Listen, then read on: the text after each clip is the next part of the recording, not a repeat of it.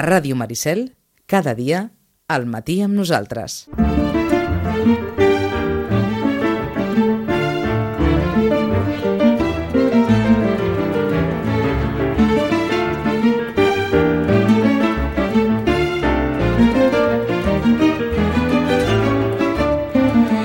I el dia en què tots els diaris parlen de la mort d'un dels autors d'un dels llibres de capçalera de la literatura del segle XX. La foguera de les vanitats, de Tom Wolfe.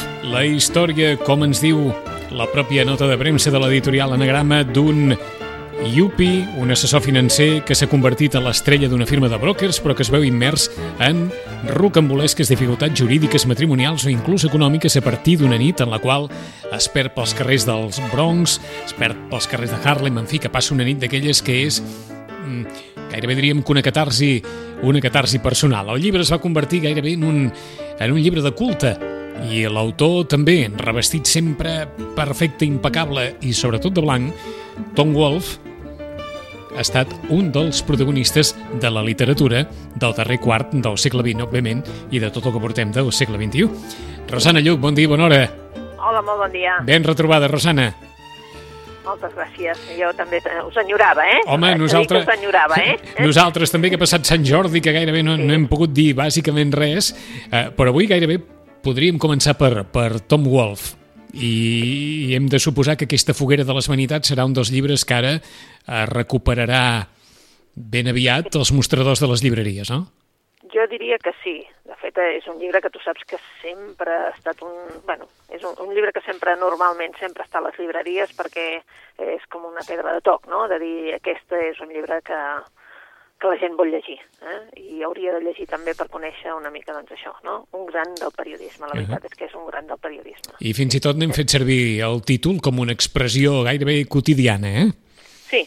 Allò, quan, quan es parla de les convencions socials, aviat això de la foguera de les vanitats és molt, molt fàcil que arribi a sortir en algun moment, que és, diguem-ne, un concepte, un concepte que va néixer amb aquesta novel·la de la qual la crítica en el seu dia em va em va gairebé dir excel·lències i que des del punt de vista de les vendes ha estat un llibre que sempre ha funcionat molt bé. Sí, la veritat és que sí. És, ha sigut eh, el llibre que Anagrama va publicar i que mm, ha reeditat i reeditat i que mm, jo diria que quasi bé mai el té exaurit. És a dir, ell ja s'ocupa de que Anagrama s'ocupa de que sempre estigui a les llibreries, de que sempre estigui a punt, uh -huh. per tots aquells que, tota aquella nova generació que encara no, que no l'ha no llegit. O sigui que qui el vulgui el té relativament fàcil de trobar. Sí, sí, sí. Sí? És que sí, sí, sí, sí. I és, eh? Com a mínim en castellà sí, sempre, Ah. sempre, sempre està a les llibreries. Doncs- Eh? Perquè ja saps que és més fàcil perquè està en butxaca i, i això també facilita les coses. Ah doncs qui desitgi allò capbussar-se en un dels llibres mítics i el que dèiem, de, llegi, de Legió de, de Fidels, un dels llibres de culte, La foguera de les vanitats de Tom Wolfe. I el llibre més venut per Sant Jordi va ser... el llibre més venut per Sant Jordi, eh, la veritat és que sí, eh, amb números sí que és veritat que al final va ser el, el Martí Gironell. El Martí Gironell. Martí Gironell, sí, en, en català sí, i en castellà la veritat és que sí que va ser la, la, la Maria Dueñas, s'ha de reconèixer que amb quantitat, eh? O sigui, com a títol, pum, més, però seguit per molts, eh? I jo diria que, que aquest any la sorpresa, bueno, sorpresa potser no tanta, eh? Perquè saps que el moment polític que estem passant és el moment polític que estem passant, Passant. per tant, eh? Hi ha molts llibres, molts llibres que, que ens parlen de- d'aquest moment, de, de coses que ens han passat i um, sense sorpresa us hauria de dir que el llibre més demanat va ser Dies que duraran anys, Vaja, perquè es va exaurir i el, bueno, a les 10 del matí ja no n'hi havien, de fet va entrar una edició l'últim, últim, últim, i, i bé, ja portem quatre edicions d'un llibre de fotografies del dia 1 d'octubre. És a dir, Dies que duraran anys, que és un llibre de fotografies, sortirà, per exemple, el més venut aquesta setmana a mi, amb les meves llistes sortirà el més venut d'aquesta setmana, i és perquè ha entrat la quarta reedició, hi havia un munt de comandes, i esclar, la gent ha vingut a buscar la comanda, i per tant sortirà com a llibre més venut, i diràs, bueno, com a no ficció, eh? I diràs, bueno, i què passa, no? Doncs això, que és que ha entrat la quarta edició. sí, perquè aquí ja no es tracta ni d'un assaig, parlaríem d'un assaig fotogràfic. Exacte. Un assaig Però- fotogràfic. Sí, sí, és un, un llibre fotogràfic en el que es demostra, doncs, bueno, és una qüestió social, no? Es va, què ha passat, què va passar um, el dia 1 d'octubre, no? Són les fotografies, um, també alguna entrevista en Jordi Borràs ha fet un treball de periodístic, no?, de, de, de dir, bueno, les fotografies i també text de dir, bé, altres coses, no? Uh -huh. I seguit, però, bueno, de fet, qui va ser?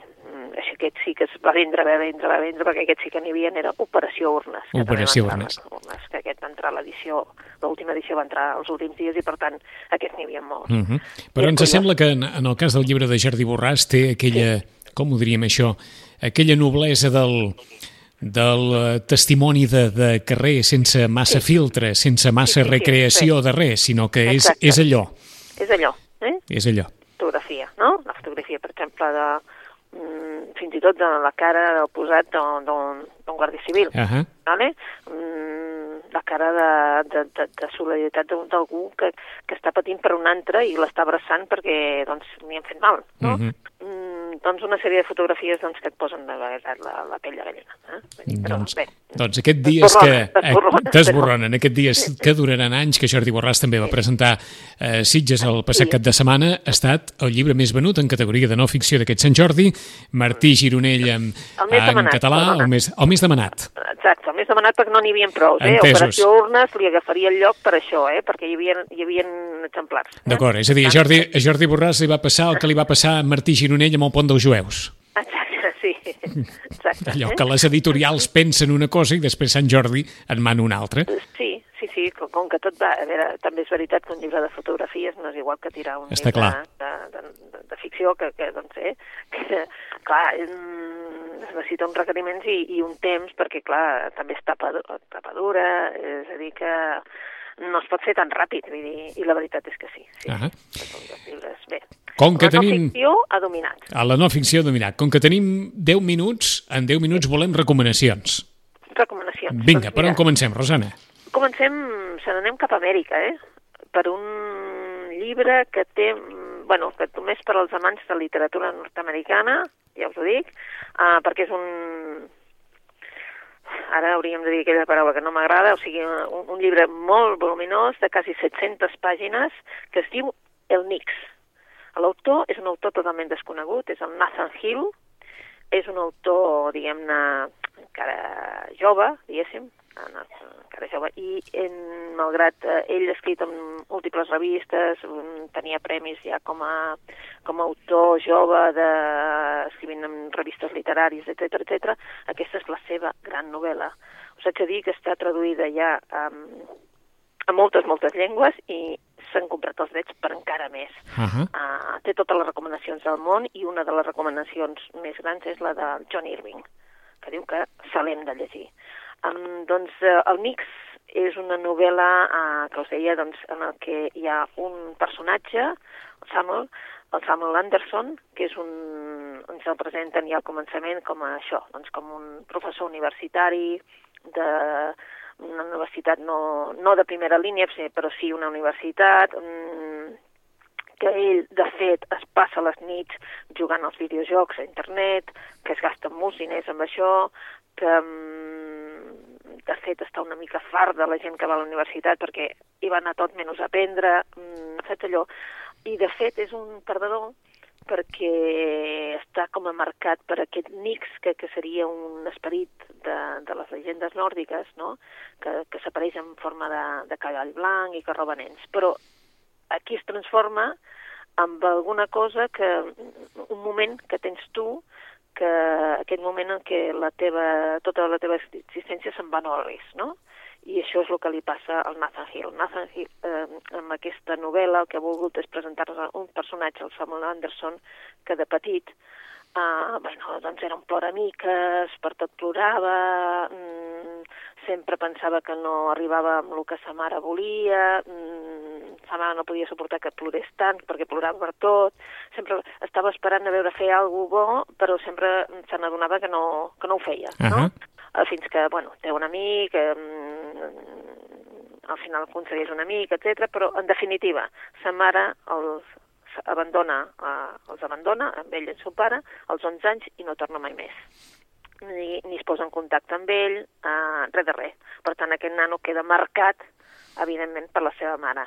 Què passa després? Doncs que de cop i volta, um, 20 anys i pico després, el que ens trobem és que la seva mare apareix a totes les notícies, en tots els noticiaris, en tota... s'ha fet viral la notícia de que ha agafat i uh, li ha tirat uh, una pedra uh, amb un senador quan estava fent una, un, un speech, estava, estava parlant un senador i pom, ella que li, li tira unes pedres. Uh -huh. A partir d'aquest moment, eh, clar, mm, ell ja havia perdut aquest cognom que d'això, una persona es posa en contacte amb ell per dir-li, si plau que necessiten el seu testimoni.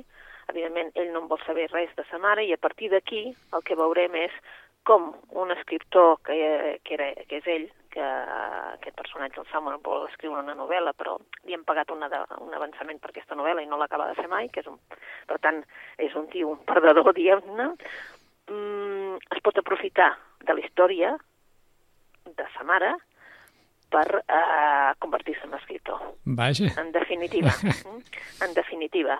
Eh, és un personatge marcat perquè eh, no t'esperes, no? Com a, com a persona no t'esperes mai que la cosa que més estimes i que realment t'hauria d'estimar sigui la que més et fa mal. És a dir, que una mare et faci mal és una cosa que és, saps, allò impensable, no? Uh -huh. Doncs això és el que li passa amb ell i és una història de disfuncionalitat, no? De que el nano queda totalment marcat i doncs ara no és un ploramiques, però vaja, mm, diguem-ne que les situacions li passen, li passen, li passen, li passen i li passen, no sigui, l'agobien una mica, eh? Uh, les, les notes de l'edició ens diuen que això va ser, mm, veritablement, que aquesta novel·la va ser un, un trasbals que va provocar, vaja, que va sacsejar en el, en el seu dia totalment. I llavors ara apareix aquí en, en castellà per Salamandra, ja diem que sí que és molt americana, però que la veritat que te la llegeixes i, i, i bé, veus això, eh?